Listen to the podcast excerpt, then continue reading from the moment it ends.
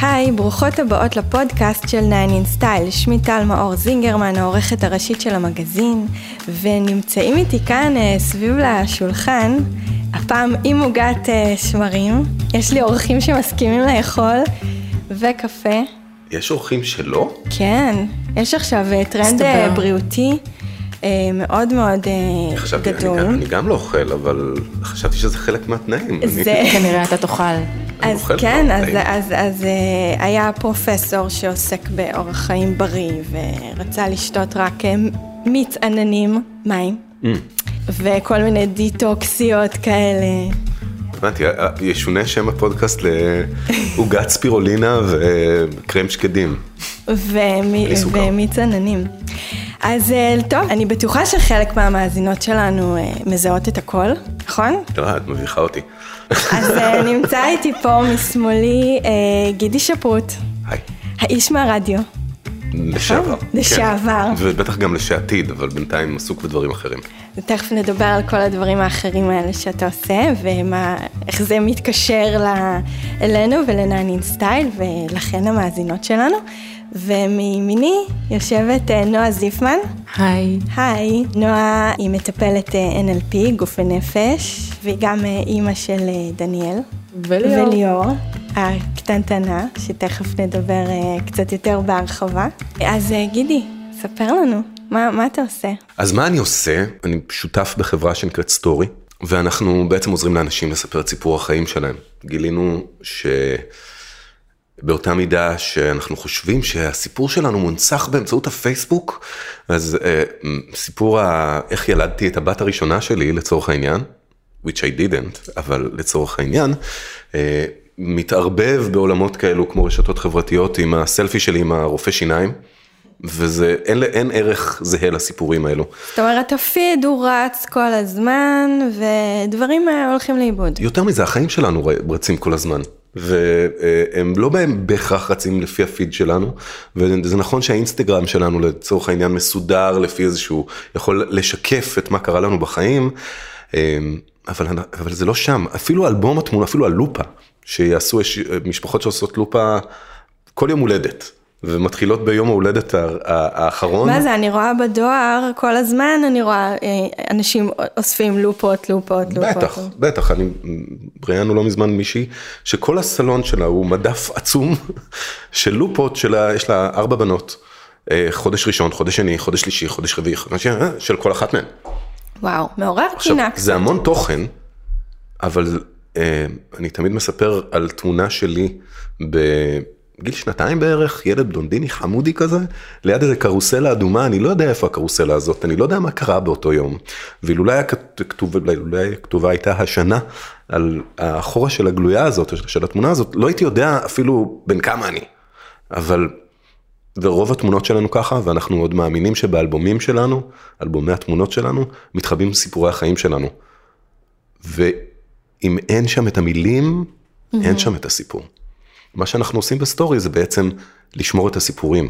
אנחנו מראיינים אנשים בקולם, שומעים את הקול שלהם, עושים להם כרגע אודיו, בהמשך גם וידאו, אנימציה, דברים כאלו, ואנחנו מחברים את הקול ואת הסיפור לתמונה, לזיכרון, ואז בעצם יש לנו נכס תוכן mm-hmm. פרטי עם ערך שברמה הפרטית זה אינסופי, ויש לנו גם תוכניות מה לעשות עם, ה... עם זה ברמה הציבורית בחלק מהמקרים. ולא סיפרת שחלק מהפעילות שלכם, יש לכם פודקאסט שנקרא Baby Story, והוא בעצם אה, מרכז סיפורי לידה. אמת. נועה, ספרי קצת מה, מה, מה את חושבת על כל העולם הזה של וואו. הסיפורי לידה והאפשרות לספר את זה ב- בקול. קודם כל, לספר בקול, כשאת מספרת בעצמך את הסיפור שלך, לא משנה אם מישהו מקשיב או לא, זה נותן אה, אפקט אדיר לחוויה עצמה שהייתה. לידה, בין אם חווית אותה או היית, אה, היית ליד, או אפילו לא חווית בכלל, זה עדיין משהו שהוא, מלא דברים קורים. מלא אנשים נכנסים, אה, דברים מתרחשים, כאבים, מכאובים, חוויות טובות, חוויות פחות טובות. נורא קשה לאבד את זה, נורא קשה להבין מה עברנו שם. מאוד קשה להכיל את זה מלכתחילה. ממש. וברגע שעוצרים ומספרים, בין אם זה אפילו להתחיל מ... אז איך הייתה הלידה שלך? איזה כמה מילים, אבל לשבת ולספר את זה באמת מההתחלה עד הסוף, זה כבר יוצר משהו במוח, בזיכרון שלנו, איך אנחנו זוכרים את זה לעתיד. פה, אני נגיד, כש, כש, כשסיפרת לי על הפודקאסט ומה, על מה אנחנו הולכים לדבר, וזה נורא נורא מלהיב, כי אין באמת פלטפורמות כאלה שאנשים גם נורא קשה לספר בגוף ראשון לפעמים דברים, ונורא קשה לשמוע את עצמנו לפעמים, אבל דווקא העבודה הזאת היא יכולה להיות מדהימה, לעשות עיבודי לידה, גם עם הלידה הכי כיפית בעולם, ובא לי לזכור אותה, וגם עם הלידה הכי, יש כאלה שקוראות, הייתה לי לידה רגילה. אין דבר אין כזה דבר לידה כזה. רגילה. נכון. אין דבר כזה לידה רגילה, והלוואי על כולנו לידה רגילה, בסדר? אני לא יודעת מה זה אומר, כשכל אחת אה, חולמת על זה, בסדר גמור. אז ברגע שאנחנו עושים את זה כבר אפילו עבודת הכנה, ואנחנו מקליטים לעצמנו את, ה... את הסיפור שלנו, אנחנו יכולים גם קצת, אה, סליחה על זה, לשלוט. על בס... ה... לשלוט בלידה, לשלוט, לשלוט במה שקרה בסיפור, שם? לשלוט בזיכרון, לשלוט באיך אנחנו רוצים לזכור. כשאנחנו מספרים את זה במילים שלנו ובקול mm-hmm. שלנו, גם אם לא נשמע את זה אחר כך, למרות שאני בטוחה שכולם ישמעו, אין לי ספק בכלל, זה נותן בעיניי לפחות, זה נותן אה, אפקט אדיר להמשך להתמודדות שלנו עם הלידה עצמה. אני חושבת שזה פשוט לוקח איזושהי חוויה שהיא באמת עוצמתית. לידה זאת אחת החוויות בחיים של, אה, חיים של אישה שאין כל כך, אין מקבילה לחוויה הזאת, זה משהו שהוא עוצמתי ברמות, יש כאלה שמשווים את זה אפילו לחוויה של, אה, של מוות. כאילו, לידה ומוות. אנחנו שומעים את זה המון, אני מראיין בחודשים האחרונים המון נשים, ואת עניין המוות שממנו יוצאים חיים חדשים, אנחנו שומעים שוב ושוב ושוב. זה חלק בלתי נפרד, זה, זה ככה הגוף שלנו אה, מתוכנת. לפני שאישה אה, נכנסת למצב של אה, צירי לחץ, הצירים האחרונים לפני הלידה, היא אמורה להרגיש תחושת פחד מוות. ככה, ככה מבחינה אבולוציונית אנחנו בנויים. אז זה מאוד אה, שזור אחד בשני, וזה בעצם חוויה כל כך עוצמתית. האפשרות לדבר עליה, כמו, ש, כמו שנועה, כמו שאמרת, בקול שלי ולספר, ואפילו להקשיב לעצמי מספרת את החוויה, אורזת אותה באיזושהי צורה שאני חושבת שיש לזה כוח אדיר. לא, לא ניכנס יותר מדי לנושא של, של, לנושא טיפולי ולנושאים של ריפוי, אבל אני חושבת באופן אישי, גם מתוך החוויה האישית שלי, שכל אישה, לא משנה איזה חוויית לידה הייתה לה, חייבת לדבר אה, ולספר את החוויה הזאת, וכשיש אפשרות לעשות את זה מול אה, מישהו שמבין ב storytelling, באיך לספר, זה פשוט אורז את זה בצורה מאוד אה, שלמה. אנחנו גם מבינים באיך להקשיב. נכון. זה חלק מהעניין. זה מאוד חשוב. זאת אומרת, חלק מאוד מאוד משמעותי אה, כמטפלת, את ודאי מכירה את זה, חלק מאוד משמעות, או כמראיינת, או כמשוחחת מקצועית. נורא משמעותי העניין הזה, כאילו כשאת יושבת עם חברה ומספרת לה, היא אומרת, אה לא, אצלי זה היה, כשירדו המים, נכון, נכון. הקק הרירי שלי. כי זה מעורר, כי את רוצה, נורא קשה להקשיב, את כל הזמן רוצה לתת את, ה, את, את השואו שלך, כי גם אצלך זה עוצמתי. בדיוק. ואילו הייתה, אילו לכל אחד מהצדדים בשיחה הזאת שאנחנו מדמיינים כרגע, היה בעצם את ה... הייתה את ה... היה את הסיפוק שבשמיעת הסיפור ובמסגור הסיפור ובלשים אותו בתוך מקום אה, בטוח, כי בעצם הרי מה קורה? נשים יולדות, וזה דבר מדהים, ברגע אחד אתם הופכות מאישה שהיא 100% פוטנציאל לשני אנשים. אישה הופכת לאימא, כאילו גבר יכול להישאר גבר כל החיים שלו, הוא גם נהיה אבא עם הזמן, אבל הדבר הזה הוא, הוא, הוא רגע, הוא רגע מאוד מאוד מבדיל בחיים. זה ממש... אפס ואחד. זה אפס ואחד. בנקודה הזאת של השינוי, והיא נקודה, ב-NLP המון, המון מדברים על שינוי, אה, וב-NLP גם מדברים, אם אני לא טועה, על שינוי מהיר, שיכול לקרות להבדיל מטיפולים שהם אינסופיים. אני אשמח אם תרחיבי על זה, כי זה תחום שמאוד מסקרן אותי. אבל השינוי הזה, שהוא נקודתי, הוא רגע, הוא כזה. השינוי הזה, אם לא מנציחים אותו, שנייה אחריו קורים עוד מיליון שינויים, ההורמונים יורדים, מתחילים לרעוד, קוראים, פתאום צריך להניק, פתאום צריך להתמודד אם זו אה, הנקה ראשונה עם איך להניק. ואיך להיות אימא, איך זה- לדאוג שהם יחיו עד גיל 18, שאני אוכל לשחרר אותם. זהו, זאת נקודה מצוינת מה שאתה אומר, כי בעצם בניגוד להרבה חוויות אחרות, שנותנים לנו, מאפשרים לנו להתפלש בחוויה הזאתי, ולעבור אותה עוד פעם ועוד פעם, ולספר, לא יודעת, כל מיני מקרים, אה, פיגוע, לא עלינו, תאונות, כל מיני דברים באמת קשים שקורים, וזה לגיטימי שהבן אדם... יהיה בחוויה הזאת וייתקע עליה קצת ויהיה לו זמן להחלים ממנה, בלידה לא כל כך. בלידה זה באמת לעבור, כמו שעשית קודם עם התנועת האצבע, אה, זה לעבור ממצב אחד למצב שני, ובמצב השני יש פחות מקום להישאר תקועה על החוויה הזאת. את צריכה לתפעל. את עכשיו אימא, את כבר לא יולדת, את אימא. לגמרי. ממה שאני מכירה, רק מילדות אה, באמת, באמת קשובות, נותנות את הרגע הזה. חוסמות את כל העולם בשביל הרגע הזה. זה ממש משהו ש... ורק אה, יולדות אה, שממש מכירות את זה כבר, מתעקשות על הרגע הזה ולהגיד, רגע, אני יולדת. שנייה, תנו לי להכיל, תנו לי להבין, לבעל, לראות מה קורה. גם אם לוקחים, לוקחים את התינוק לבדיקות והכל, אבל יש רגע כזה שחייבים להתענג עליו, וזה, וזה על כל אירוע בחיינו. יש נטייה, כמו שאמרת, על, אה, על אסונות, על מה שמוגדר בטראומות, שזה נורא לגיטימי. זה לגיטימי שבן אדם יתעכב, וזה לגיטימי שבן אדם ידבר על זה הרבה, וזה לגיטימי ש, שהוא יצטרך זמן לעכל.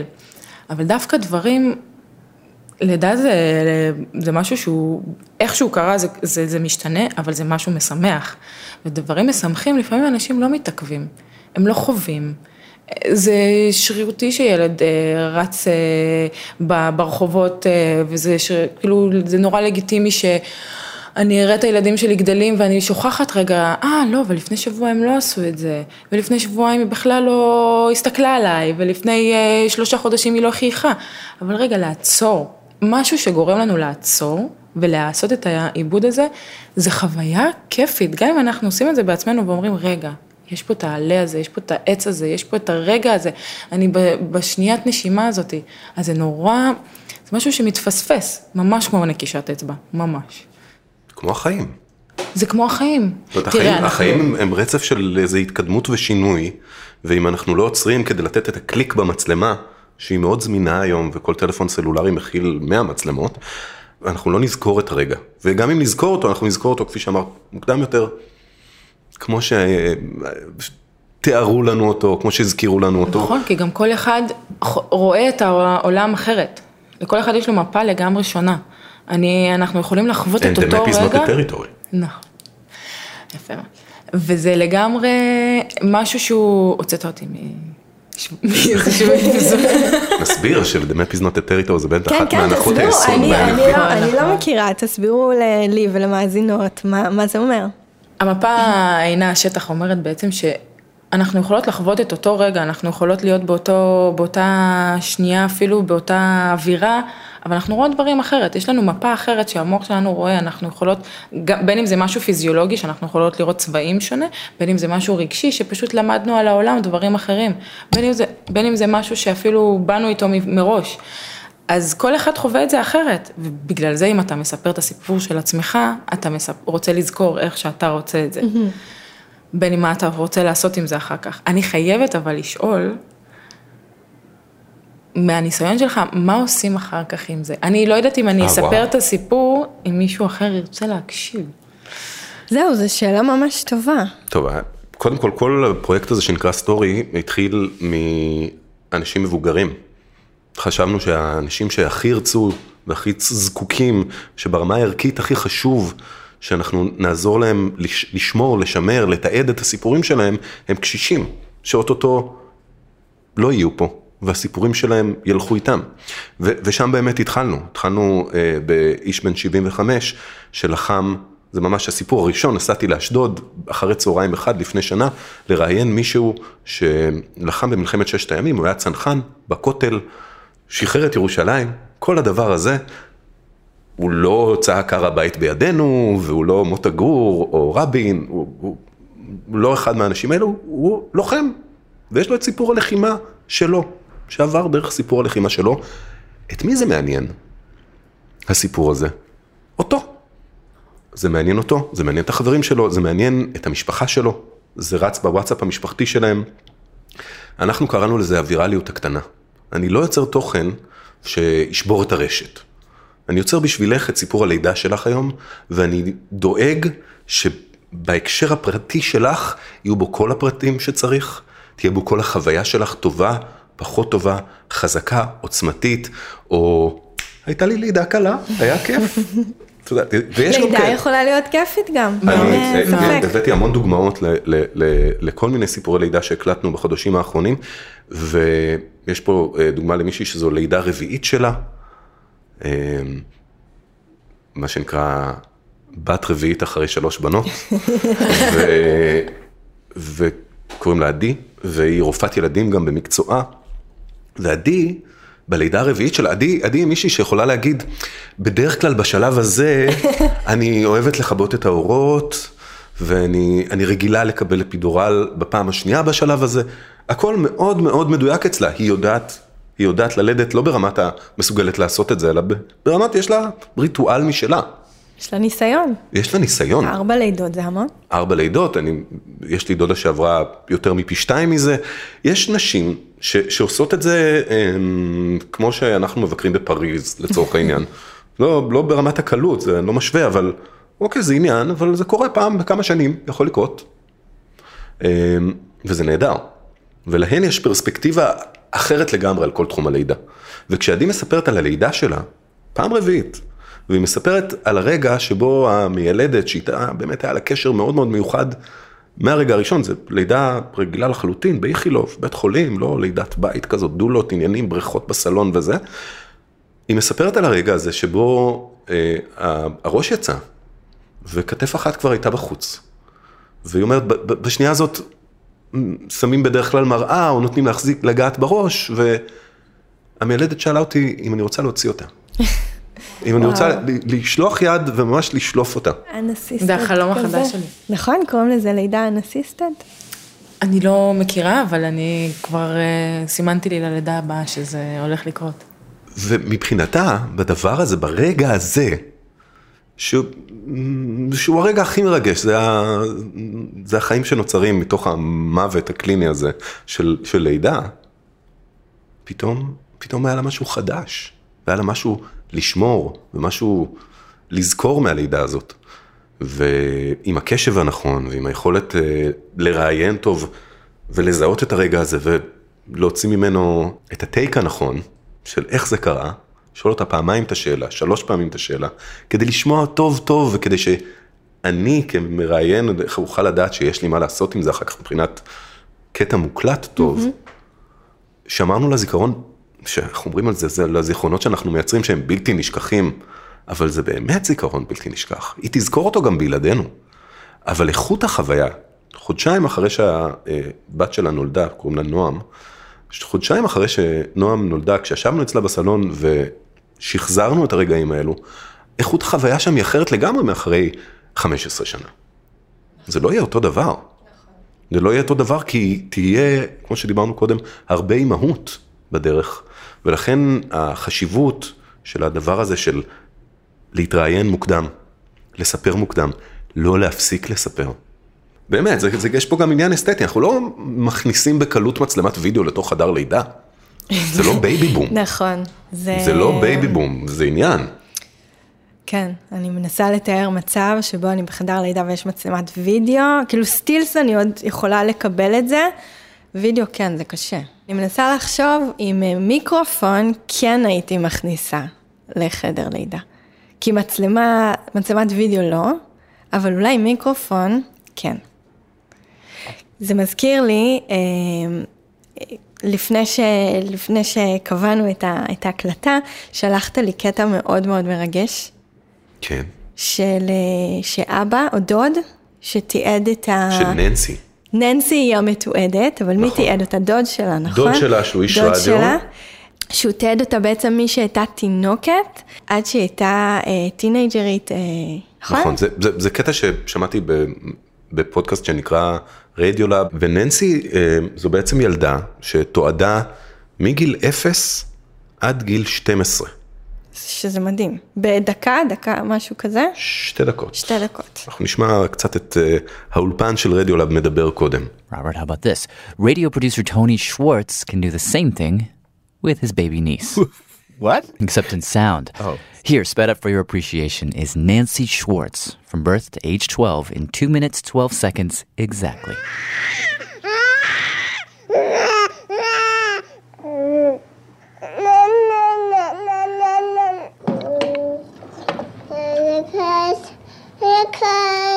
This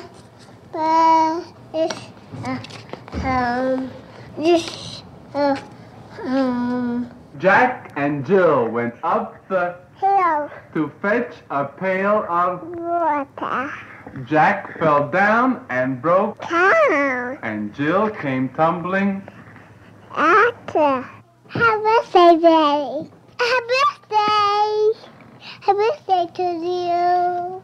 If you call the toy store up and you say I want a puppy and a whistle and a horn and a hat and a dress and a ballerina costume, that's what you get. But when Santa Claus can't bring you, you can't cry. Tony, if um, if the dog makes Willie the house, if he's ha- if you have to make him housebroken, if he makes Willie in in the apartment, you have to slap him with a newspaper. Then, if he doesn't do it again, he's housebroken. What do you think of the Russians sending the dog up in the satellite?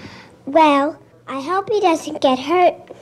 But if he does, I'm sure they'll send up a medical satellite. In school, um, uh, we each had to do a report on someplace, and um, I'm doing a report on Hawaii, and we're and we're taking notes and doing research. This summer we're going camping, and uh, in the month of July this summer I'm going.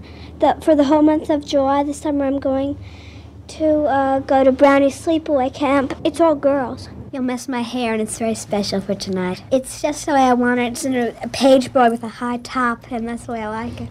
I'm taking guitar lessons, and that's fun. I take drama lessons after school, and that's great. And I've been working on the school newspaper. I might be editor next next year. And I've been discovering boys.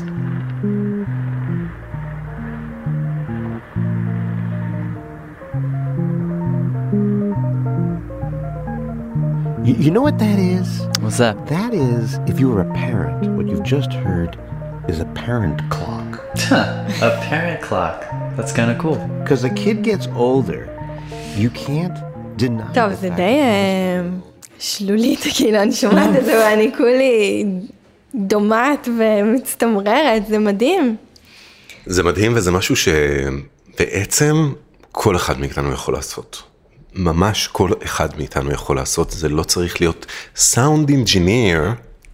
לכולנו יש אה, סמארטפונים, וכמו שאנחנו יודעים לצלם, ולעלות לאינסטגרם, ולעשות בומרנג, ולעשות זה ולעשות זה, אנחנו גם יכולים להקליט אודיו. נכון. ולש... ולמה שחשבתי עליו קודם, שלחדר לידה כן הייתי מכניסה מיקרופון, אז הייתי יכולה לקבל שמה, אני רק חושבת כאילו על, אה, על איזה, איזה סינקים הייתי יכולה לקבל, ו... ושלנצור אותם לנצח. כשאני הייתי קטן, אבא שלי היה מצלם אותנו במצלמת 16 מילימטר כזאת, שאנשים היו זזים קצת מהר יותר וזה, והכל היה בקליקים, והכל היה בפריימים, והדברים האלה באמת הפכו לוידאוים והם עדיין שמורים ונצורים אצלנו במשפחה, אבל אין להם סאונד. אין סאונד שהולך עם זה. היום יש לנו את הפריבילגיה לעשות את זה בדיוק, ועדיין אנחנו משתמשים בתמונות יותר. אתה אומר על, ה, על, ה, על הקול עצמו, שלא היה ואנשים לא מודעים אליו, יש, אה, איך שאנחנו זוכרים דברים, איך שאנחנו גם מסתכלים על, על המפה דרך אגב, זה שיש לנו הרי חמישה חושים, נכון. מי שפספס אז... אה, למי שאין לו למי חוש ש- השישי. למי שאין את החוש השישי, ויש גם מעט שאין לו את חוש הריח, שזה קצת מבאס, אבל אה, יש שלושה דומיננטים, שזה שמע, שזה תחושה וויזואלי. הרוב זה בשלישייה הזאתי, יש אחד דומיננטי ואחד, אה, יש לנו את כולם. אחד הוא יותר דומיננטי ואז זה מתחיל לרדת בכמות. רוב האנשים, אם- מה שאני לפחות פוגשת, הם ויזואליים או תחושתיים. מעטים, לא, אני לא רוצה להגיד מעטים, אבל חלק אה, נמוך יותר זה שבאמת אנשים שהם אה, עם שמע. אני דווקא בן אדם של שמע, אני תחושתית, ואז האודיו, השמע אצלי הוא חשוב מאוד, אני שמה לב לדברים, וזה משהו שננצר לי בזיכרון. אבל אנשים לא רגילים לזכור, כאילו, כשאתה נזכר במשהו, אתה לוקח זמן עד שאתה זוכר מה שמעת. אנשים לא רגילים לזה, ובגלל זה כשאתה אומר על לעשות לעצמך מם או לעשות לעצמך איזשהו רקורד, הם לא חושבים על האופציה הזאת שאני בכלל אשמע את זה. הם חושבים על האופציה שאני רגיל, אני אקרא את זה, כי זיכרון עובד ככה, זיכרון הוא משהו שאני רואה, אני חווה, אני, אם אני נזכר, אז אני קודם כל, אה, לפעמים אפילו קודם חווה, או ריח מזכיר לי משהו, או צליל אפילו מזכיר לי משהו, אבל איך שאני חווה את זה מבפנים, את הזיכרון, הוא בלי שמע. אז זה משהו שהוא, אנשים לא מבינים את זה, שדווקא השמע יקפיץ להם הרבה דברים טובים, או הרבה דברים לא, במיוחד אבל... כשהשמע, אה, או השמע, זה כן. כאילו עולם, אבל במיוחד כשה- כשהתוכן הזה שבא על שטיח השמע, הוא שלי, זה הכל שלי היום. זה, זה, הקול שלי רועד כשאני מספר למה קראתי לה בשם שלה. זה, זה אני, זה, זה, זה, ה- ה- בריכת המים, זו, זו השלולית הקטנה שאני ברגע הזה. אתה גורם לנו כל הזמן לשלוליות מים, אי אפשר ככה. טישו, אפשר טישו. לא, אבל זה, זה באמת מי שאנחנו. אה, אני חושבת שזה איזושהי נקודה מאוד חשופה, לשמוע את עצמך. אנחנו, יש לנו מין דימוי כזה על עצמנו, ואנחנו גם שומעים את עצמנו באופן שונה לחלוטין, וזה יגיד כל אורח שהגיע לפה ושם את האוזניות וישר, רגע, מה? אה, אנחנו שומעים את עצמנו אחרת. לא, וזה, יש הסבר מאוד בסיסי לזה. נכון, יש הסבר אה, מאוד אה, פיזיולוגי לדבר הזה, נכון, אבל נכון. התופעה הזאת קיימת. בוא נסגור להם את הפינה. כן, תסביר, בבקשה. תסבירי את. אתה תסביר, אתה איש הרדיו, מה, אני כאילו שנה מקליטה פודקאסטים, מכירה את זה, 20 שנה ברדיו. מכירה את זה שאת אה, הנה, שומעת את בקול הזה. כן. מכירה את זה כשאת שומעת, אז אה, שתיקת הכביש. שתיקת, כן. אז אחרי שצחקנו, יש את הרגע הזה שבו אתה שומע את עצמך או את שומעת את עצמך, פתאום דרך מכשיר הקלטה, ופתאום דרך אוזניות, ואתה אומר, זה לא הקול שלי. אבל רגע, כשאנחנו לא שומעים את עצמנו דרך מכשיר הקלטה, דרך מה אנחנו שומעים את עצמנו? וההרגל שלנו הוא להגיד דרך האוזניים. אבל התשובה היא לא נכונה, אנחנו שומעים את, עצמנו דרך כל חללי התעודה שבגוף שלנו, אנחנו שומעים את עצמנו דרך האוזניים, ואנחנו רגילים גם לשמוע את עצמנו במקומות מסוימים.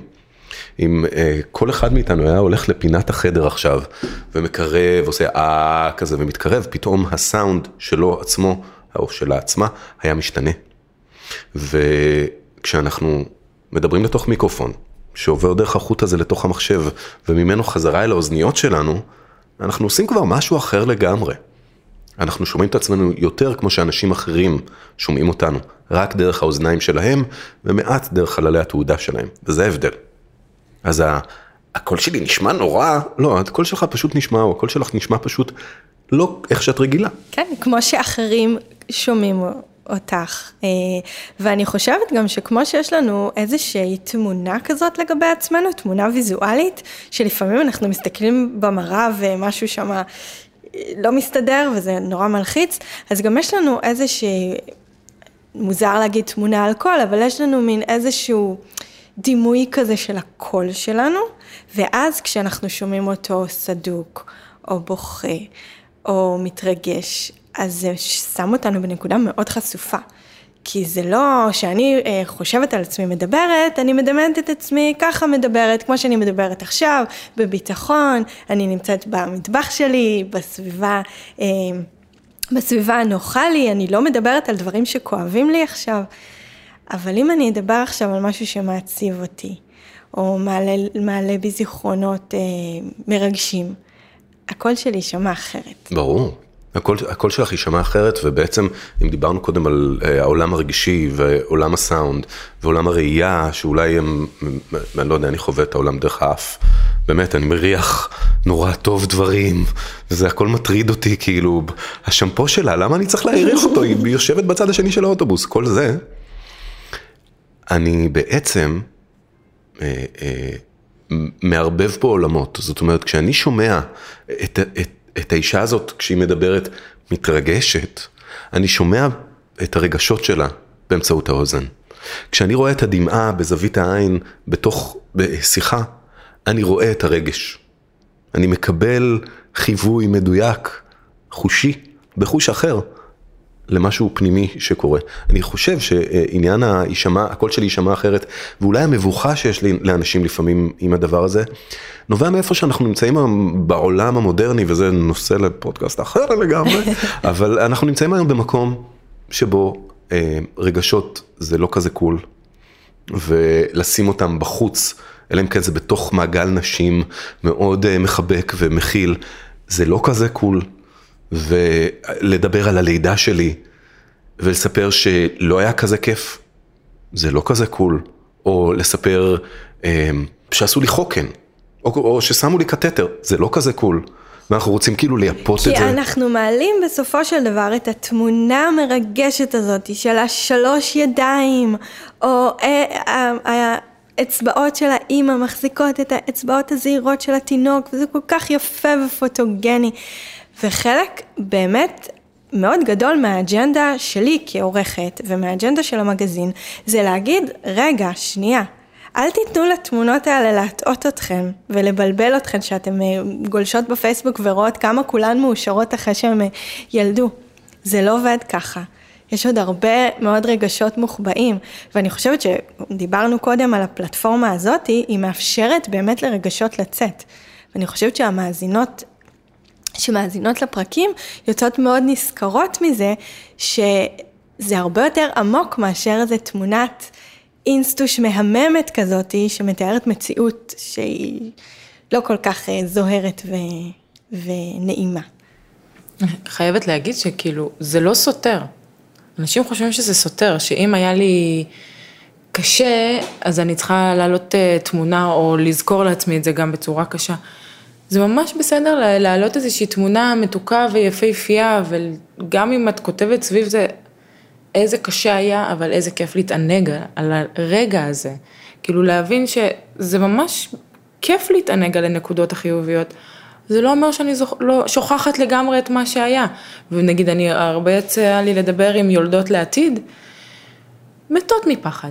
מתות מפחד ממה שיהיה, מה אני עושה שם, הכל בבלאגן. כן, זה בלאגן. תתכוננו לבלאגן, אבל כשאת מתכוננת לבלאגן, אז את מתכוננת לבלאגן של רגשות, מה יהיה, ואת יכולה לזכור את זה ולזכור את זה. וזה נורא כיף להגיד, כאילו, אני חוויתי את הנקודה הזאת של היד יד על יד, ואני יכולה להגיד לך מהניסיון שלי, עשיתי את זה בכוונה, לא צילמתי, אבל ישר, כששמו לי את ה... ישר רציתי להחזיק, להרגיש את האצבעות שלה, ורציתי את הרגע הזה, כי לא חוויתי את זה בלידה הראשונה, אז אה, ממש התעקשתי עליו. זה לא אמר ששכחתי לרגע את הצירי לחץ, את ההישענות שלי על בעלי, ואני אומרת לו, די, לא יכולה יותר, זהו, קח אותי מפה, הולכים הביתה. ואמרתי לו, בא לי הביתה, באמת, זה מה שאמרתי באמצע, אני רוצה הביתה, מאוד הגיוני הרי. אבל זה נורא כיף להתענג על, ה, על הקטעים האלה, ואז יצא לי להגיד ליולדות לעתיד, תתענגי על הכל, והכל יכול לקרות. אי אפשר להתכונן, אבל תתענגו על הכל. זה נורא כיף. זו נקודה חשובה. אבל אני חושבת ששני הדברים יכולים וצר... וצריכים להתקיים ביחד. זאת אומרת, שלא ייווצר איזשהו מצג שווא שהכל ורוד ונצנצים לא. וחדי קרן מקפצים בין קשתות. ומצד שני, כן לחפש את, אה, את נקודות האור האלה ואת הדברים הבאמת חיוביים, כי תמיד אפשר למצוא גם אה, בכל חוויה, וזה גם לא, זה לא חייבת להיות חוויה קשה. בכלל לא. אה, כן, חוויה עוצמתית, כן, אני אגב, אני, אני חושבת שאמרתי את זה באחד הפרקים שהקלטנו עם מילדת, שאני אוהבת לאחל ליולדות לעתיד, שתהיה לכם לידה עוצמתית ולידה מעצימה.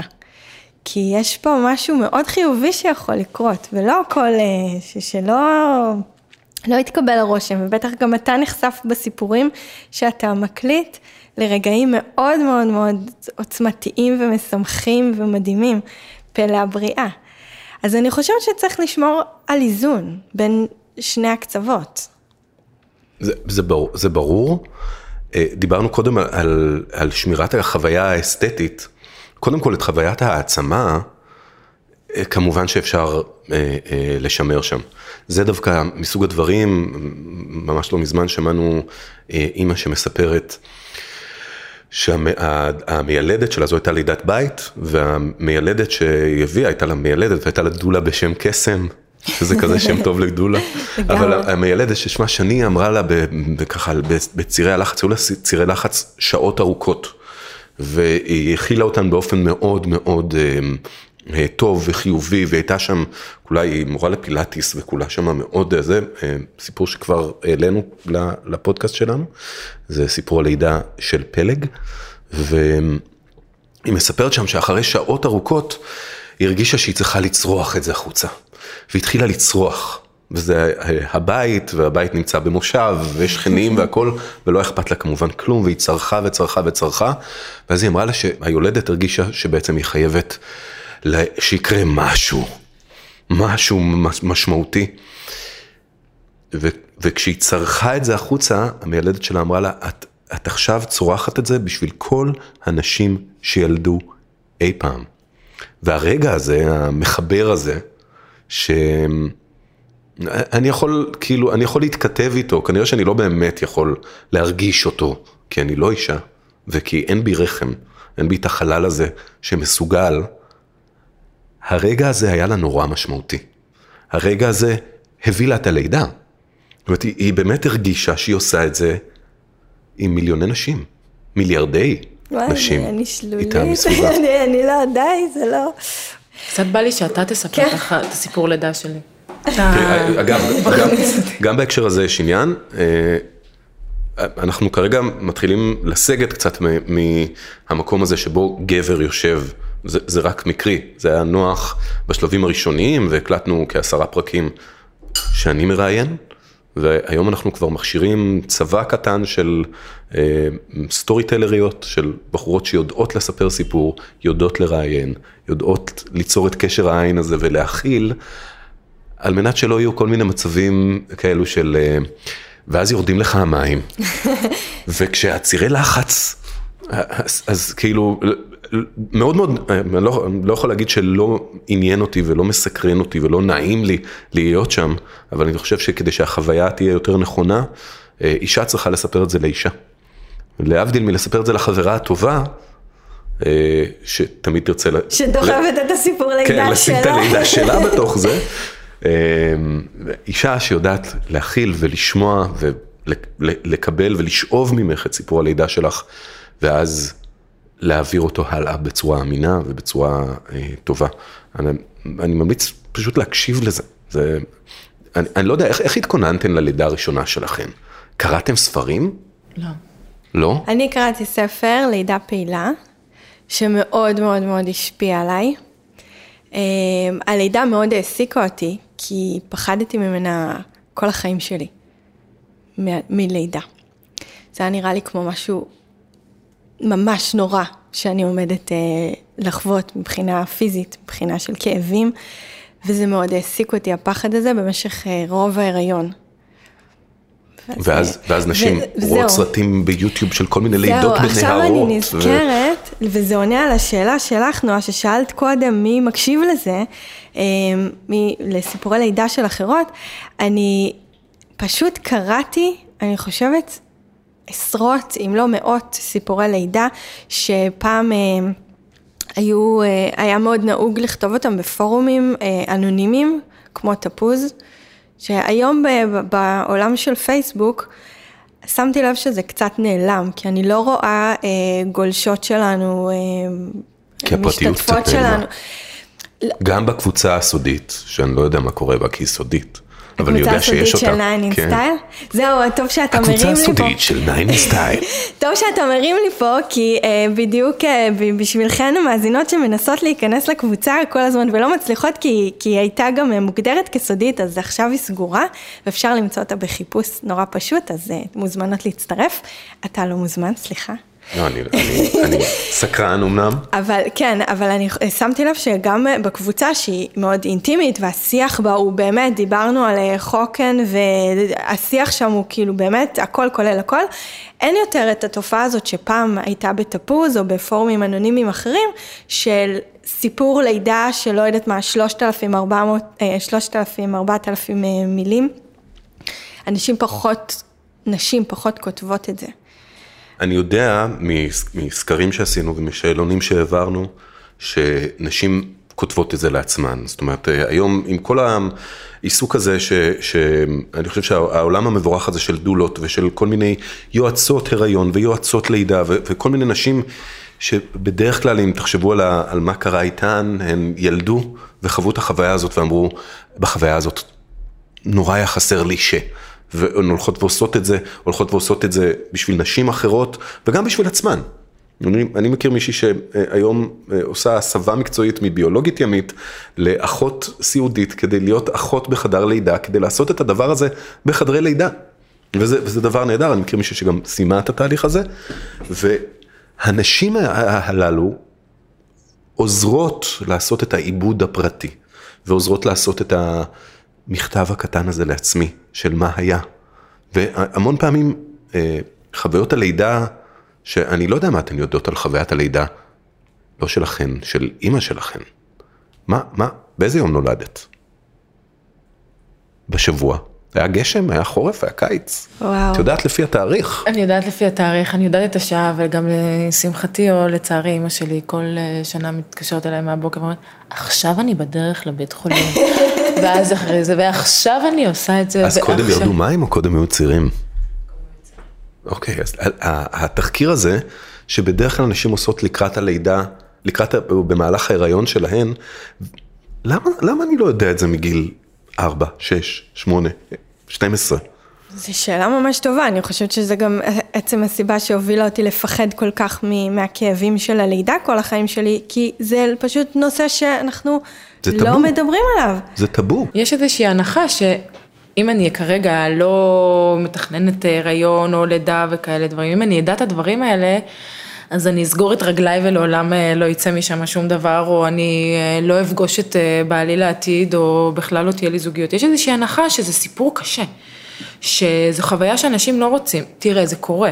אני, אני כן יכולה להגיד לך שרק אנשים סביבי, ברגע שאני בסביבתי הקרובה, הייתי אה, אה, בהיריון ראשונה ויולדת ראשונה, לא דיברתי על זה, לא חוויתי את זה עם אנשים אחרים, רק ב, בלידה השנייה, שכבר סביבי היו יותר אימהות, אז פתאום, אה, אז איך את היום, ואיך את מרגישה, ומה קורה, ואיך את מרגישה, אה, אה, הרגשתי את הבטן, היא נתנה בעיטה, פתאום התעניינו, פתאום רוצים לדעת, ופתאום רוצים לדעת על הלידה, פתאום רוצים לדעת חוויות. לפני זה אנשים סוגרים, כאילו, עוד ממש אוטמים את האוזניים וסוגרים את העיניים, כי הם מפחדים. הם מפחדים ממה שהם אולי ישמעו, ואנשים חושבים, יש איזושהי סטיגמה, כמו שאמרת, שזה משהו איום. ואנשים, בתור אחת שחוותה את זה, לא יודעת, יש ויש, כאילו בא לי, אני אישית עומדת פה על המרפסת, מספרת לכל מי שרוצה לשמוע, ובאמת אה, מוביל אותי לשאלה, אני לא, לא אמרת אם האנשים שמספרים את זה, את, ה, את, את כל הפודקאסטים, בין אם זה סיפורי לידה וגם אם לא, אם הם מספרים את זה בגוף ראשון, ברור. שני, ברור. כי לפעמים, הדוגמה שנתת מקודם זה, כשאת נכנסת לחדר לידה וכאלה דברים, אז... ו- ולכן, ול- ולכן אה, זה, אבל זה כש, כשקורה ההסבר שהוא חיצוני. נכון. אבל כשהיא אומרת, ואז הרגשתי שאני צריכה לצרוח את זה החוצה, זה לא יכול להיות אף אחד אחר. או ירדו לי המים, זה לא יכול להיות אף אחד אחר. אה, או הנה היד הקטנה הזאת מנסה להחזיק לי את האצבע. זה לא יכול להיות אף אחד אחר. והרגעים האלו הם הרגעים. זאת אומרת, יותר מזה, מעבר לרגעים האלו שהן הם בעצם נקודות ציון, הסיפור שבין הרגעים הוא מה שמשמעותי. בין נקודות הציון הללו יש משהו שקרה. מה, מה קרה בין הבית לבית החולים? מה היה הקול הראשון ששמעת? את זוכרת בדיקות, סקירות בשלב ההיריון? זוכרת דופק ראשון? כן. כי הכל אצלי מלווה. בדמעות, אז כן. בכיתי פה ובכיתי בכיתי פה. פה, בכיתי פה, ואמרתי, לא, אני לא אבכה פה, אבל בכיתי פה, ו... אבל הש, השאלה, את זוכרת את הסקירות של דניאל? של, של, של הגדול? של הגדול? כן. ברור. אני זוכרת, ולא רק זה, גם כאילו, השוויתי.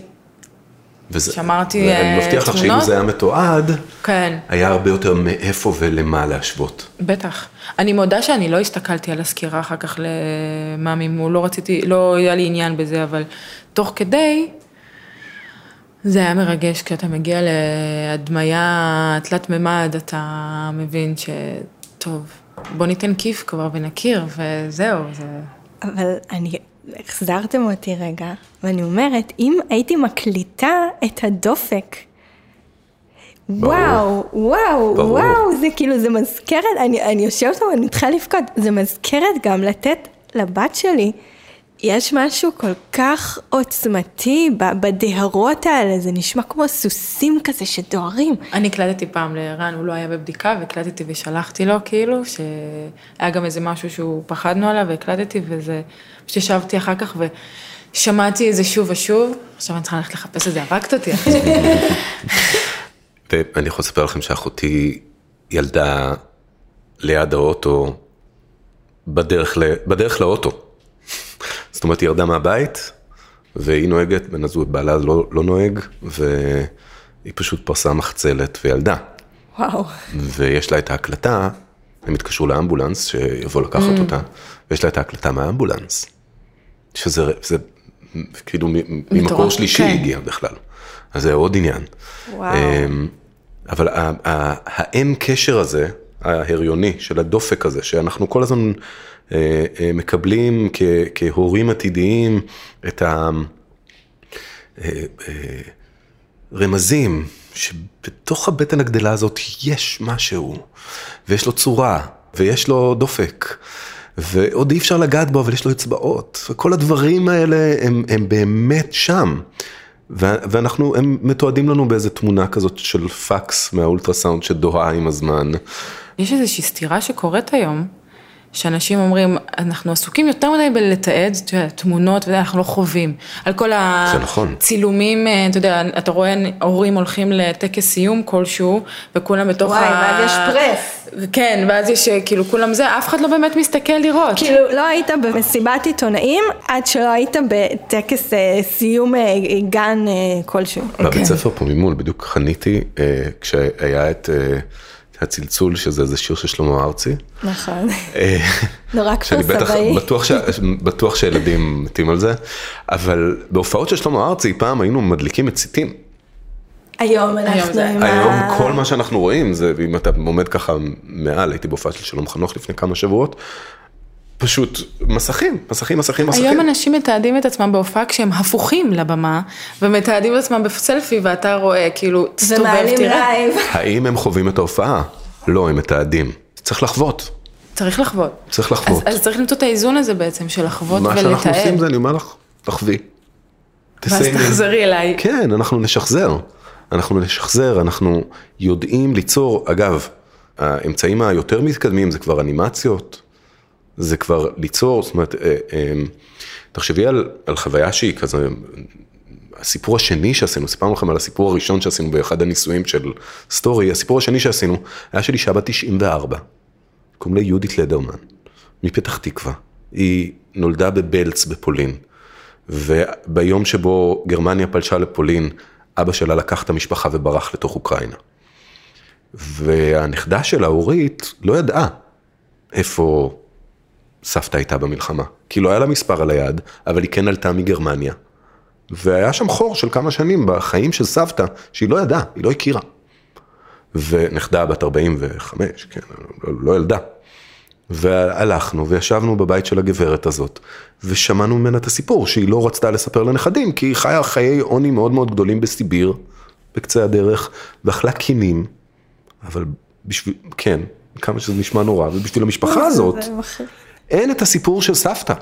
פרסונל היסטוריאנס או פרסונל ביוגרפרס היה משהו, היה פריבילגיה שרוזנים ומלכים היו עושים, גם צילום אגב. ציור פורטרט, אני בדיוק אה, פורטרט, חושבת נכון. עכשיו על... אה, נתקעתי קצת על התקופה הוויקטוריאנית עם הסדרה ויקטוריה. את מי אנחנו, אז, אנחנו רואים אה, את פשוטי העם שם? לא, אז... אנשים שיש להם פנינים על הצוואר, שהביאו מהאיים הקריביים, שעוד לא גילו אז, אבל לא משנה. זה זה זה, זה פשוט זה. אז מה שאתה בעצם אומר, ואני חושבת שזאת איזושהי נוסחה שכדאי לנו לאמץ אותה לחיים, לחוות את החוויה, להיות בחוויה, ואז יחסית בסמוך אליה, למצוא דרך לתעד אותה. בדיוק. למצוא דרך לתעד אותה ולשמר אותה. לעשות את ה... שאלתי אותך שאלה, את זוכרת בטלפון אתמול? למה אנשים קונים את הגלוב, אז, אה, את זוכרת, נכון, אה, מז- יש. מזכרת כזאת מאוד מאוד מפורסמת, שזה בעצם בועה כזאת, ש... בועת שלג. בועת שלג כזאת, סנואו גלוב זה נקרא. למה אנשים קונים את זה? למה אנשים קונים חולצה I love. NY, כן, או למה אנשים קונים מגנט למקרר, הייתי באתונה, או הייתי בחתונה של, אנחנו אוהבים לזכור, אנחנו אוהבים את התיעודים האלה, זה מזכיר לנו. זה ממנטו, זה תיעוד, זו עדות. זה, זה בעצם המילה הנכונה בעברית לזה. זו עדות שהייתי בניו יורק, זו עדות שהייתי באתונה, זו עדות ש... זה הפסיפס של החיים שלי, זאת אומרת, אם אני מקיפה את עצמי בחפצים, שקניתי אותם בכל מיני אה, סיטואציות והם מזכירות לי, הם מזכירים לי כל מיני דברים שקרו וחוויתי והייתי, זה אני. זה, זה, זה, זה מספר עליי. לגמרי, אני הבאתי לכם מתנות. באמת? כן, קטנות וחמודות. וואו. אני גר אה, ליד הים, וכל מי שאני יא, פוגש, וואו. איזה כל מי ש- צף מהמם. כל מי שמגיע לים עוש- עושה את הדברים האלו. יואו. כל מי שמגיע לים אוסף צדפים. חוץ ממפרץ הצדפים, שאסור לאסוף שם צדפים. בכלל אסור לאסוף צדפים, נכון, גם לא כזה פשוט למצוא כאלה כן, זה, מיוחדות. זה... אם אתה גר ליד הים. אבל בכל אופן, זה, זה זה לא רעיון טוב לאסוף צדפים. נכון. זה של הטבע ואנחנו לא אמורים לקחת, כמו שזה לא רעיון טוב אה, אה, לקטוף פרחים. אבל אנחנו הולכים וקוטפים פרחים, כי זו עדות לזה שהיינו בטיול ההוא. אוי, הזכרת לי עכשיו שהיינו בירח דבש בתאילנד ושמו לנו על, ה... על הכריות אה, סחלבים, ושמרתי שני סחלבים וייבשתי אותם, ופה בכניסה לבית... ממוסגרים. ה- ממוסגרים, וזה הירח דבש שלכם, a nutshell בעצם. כן. אני רוצה לספר לכם שעוד עוד דבר שהבאתי איתי, זה תיבת הנגינה הקטנה הזאת, אה, שזו מזכרת של גרוש וחצי, קניתי אותה באמסטרדם לפני כמה חודשים, זו מזכרת של גרוש וחצי אני יכול לסובב את הידית ולעשות את הצליל הזה. כל אחד מהפרקים שלנו נפתח בכזה, אה, שאגב, אני יכול להדגים שאם אם שמים את זה כאן, אם אני מדביק את זה לשולחן, את זה זה נשמע. עוד יותר טוב. אם הייתי מדביק את זה למיקרופון, זה היה... זה, זה דבר קטנטן ועצום. וכולנו גדלים עם איזה כזה שמותחים, וזה עושה איזה מובייל כזה, או איך, איך נקראים מובייל. המוביילים האלו? יש לזה עוד שם, לא זוכר. אה, כולנו גדלים עם, עם כל מיני סאונדים כאלה, שהם, שהם הילדות שלנו. זאת אומרת, לפעמים, אה, זה, המנגינה הזאת, זו מנגינה מסיפור הלידה אה, של נועם, דיברנו קודם, לידה רביעית של עדי. זה, זה, זה מה שיצר את המנגינה שלה, וזה giveaway שהיא מקבלת בשביל לזכור את זה, היא, היא תוכל להשמיע את זה ולשמוע באמצעות הדיסק און קי שבא עם זה את הסיפור. מדהים. זה, אה, אה, זו חוויה שהיא היא נועדה להיות שמורה, זה, זה מה שאני מנסה להגיד פה. טל, למה קראו לך טל? למה קראו לי טל, באמת? ט' על אה, שם סבא טוביה, ואימא שלי, אהבת השם, טל. הנה, יפה. נועה? אצלנו זה מהתנ"ך. זה היה או נועה או נמרוד, מה שיצא. וואו. כאלה. ולך? לי קראו על שם אה, גדעון בן אליעזר, שהיה אה, טייס, וחבר של, בן של חברים של ההורים שנהרג אה, במלחמת יום כיפור. זה, כל, כל אחד מאיתנו יש לו, יש לו שם, כאילו, וזה, נכון? זה... אמ, טוב, אני לא יודע מה להשמיע לכם, כאילו חשבתי להשמיע לכם. טוב, בוא נשמיע באמת את... זה מתוך סיפור הלידה של טל, שהוא סיפור לא שלך. לא שלי. לא שלך, טל אחרת. אני אולי אבוא, אולי תזמין אותי. את מוזמנת תמיד. כולם מוזמנים, כולן מוזמנות. אמ, אגב, אחד הדברים שקורים בזמן האחרון זה שאנחנו מגיעים לתעד סיפורי לידה, ואז אומרים לנו, רגע, ולסבא שלי יש סיפור. אבל אמ, טל מספרת למה היא קראה לבן שלה נבו. איך נבחר השם? נבו? אה, כרמן הציע את זה בערך בתחילת ההיריון, ואני ישר פסלתי את זה, זה היה נשמע לי תנכי מאוד. ואז יום אחד שמעתי את השיר של אה, שמולי קראוס. צר היה כל כך הייתי אז מוכרח לפרוס כנפיים ולעוף אל מקום שבו אולי כמו הר נבו רואים רחוק רואים שקוף שיש שם את השורה, יש מקום שבו אולי כמו הר נבו, רואים רחוק, רואים שקוף. וזה נורא דיבר אליי, כי כאילו המחשבה על פסגה שבה מסתכלים ורואים את הכל, המר... כל הזמן חיפשתי שם שמבטא מרחב. רציתי משהו שמבטא אה, מרחב, מדבר, ים, אה, משהו שמבטא אוויר פתוח ומרחב. וכל הזמן באמת חיפשתי כאלה, וואי, אה, ו wild ובר לא רציתי, אז הייתי כותבת ב Google Translate כל מיני מילים ולראות אם יש את זה בשפה אחרת שזה נשמע מגניב. ואז פתאום כששמעתי את השורה הזאת מהשיר, זה נורא דיבר אליי. וקראתי את הפרשנות של השיר, שורה שורה. בן אדם כעץ שתול על מים זה מין ניגוד בין האדם שמצד אחד רוצה אה, להיות במקום אחד, אה, מחפש שורש אה, וכולי, מצד שני הוא מחפש שורש על המים, הוא יוצא למסע, וזה כל כך דיבר אליי, כאילו, ול... כל המשמעות של נבו בעצם, נבו התינוק שלי בחיים, כאילו שמצד אחד זה הדבר הכי מקבע, מצד, ש... מצד שני אנחנו כל הזמן מדברים על זה שאנחנו, שזה מסע שאנחנו ניקח אותו איתנו, כאילו, אנחנו בתוכניות. אז לא יודעת, זה, זה עשה לי את השם הרבה יותר uh, נתפס, אז הלכנו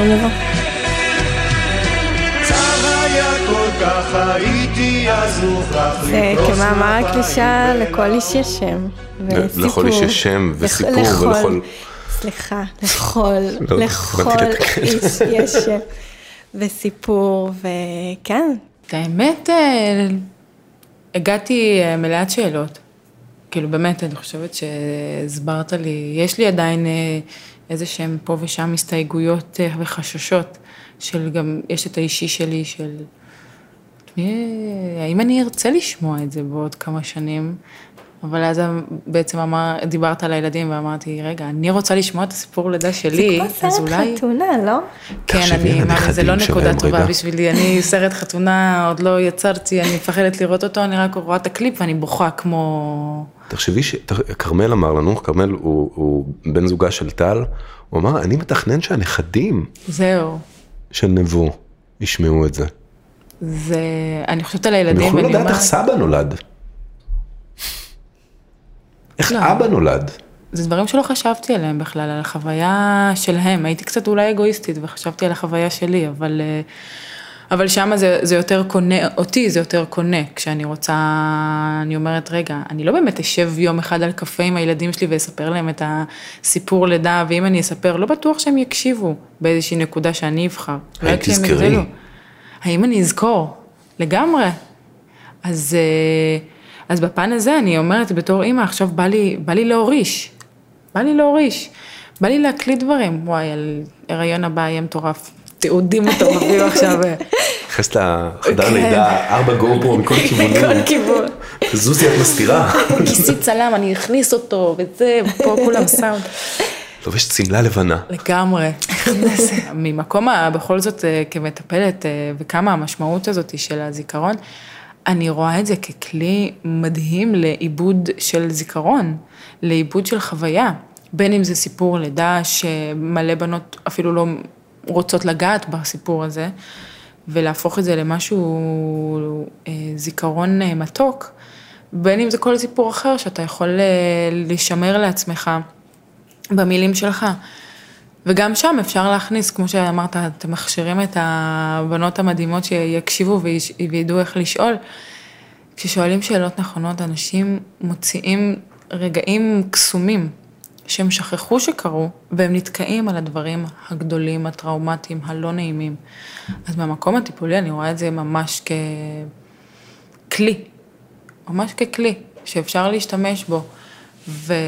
ואם אתה מוסיף לזה עוד את כל שאר החושים, תחשוב איך אתה מוסיף את החוש ריח שלך כבר לכל, לכל התיעוד הזה, זה מטורף. אז אה, זה בכלל אה, מופלא בעיניי. תודה, תודה, ש... תודה שהזמנתם אותי לפה. טוב, קודם כל, תודה שהגעת. לא ידעתי שדברים כאלה, כל הדברים האלה קורים פה בכפר סבא. בוא נדבר על זה רגע. מאוד כיף בכפר סבא, שלא שומעים שלמה ארצי. הילדים שומעים שמו, כן. לא, אבל כפר סבא, דיברנו על זה קודם, הייתה עיר ילדותי, זה היה הכרך הגדול שאליו מגיעים כדי לראות סרטים בקולנוע קולנוע עמל. וכן, שאני לא יודע אם אתן זוכרות, אם. כפר סבאיות אה, ותיקות, כן? אני חדשה יחסית, אני מהגרת. אז קולנוע עמל וקולנוע חן. והרבה לפני שהיה קניון ערים, היה מרכז אהרוני. והוא היה. הוא היה כל חיינו, היה שם בורגראנץ', היום יש שם מרכז לבריאות האישה. כל חיינו. אולי צריך ללכת לתלות שם מודעה של baby story. כן, לגמרי. אה, טוב, וואו, אה, ממש אה, תודה שהגעת. שמחתי מאוד. אני חושבת שרשמתי כל, ה, כל הפרק, רשמתי בצד הערות איך, איך להשתפר. ותודה לך, נועה, שהגעת. ושיתפת אותנו. היה לי כיף. וזהו, אז אה, היה לי מאוד כיף. ותודה לכן המאזינות שלנו שמקשיבות ומקשיבות, ואם מדברים על תיעוד וזה, יש, אני חושבת, אה, 40 ומשהו פרקים, יש פרקים שהם קצת יותר משעה, יש איזה יומיים שלי ככה, מדברת עם אנשים, מסתובבים להם אי שם ברחבי הרשת, זה, זה מדהים. אה, אתם מוזמנות אה, להמשיך להאזין ולהיות איתנו ולשלוח לי רעיונות לפרקים חדשים אה, וכל מה שאתם רוצות שאנחנו נדבר עליהם ונארח כאן, אני תמיד שמחה לשמוע. תעשו לנו subscribe ב-iTunes, מוזמנות להצטרף לקבוצה הסודית של 9 in Style וניפגש בפרק הבא. מה קורה בקבוצה הסודית? אז זהו, אני אכבד את המיקרופון ואני אספר לך. זה סודי. ביי.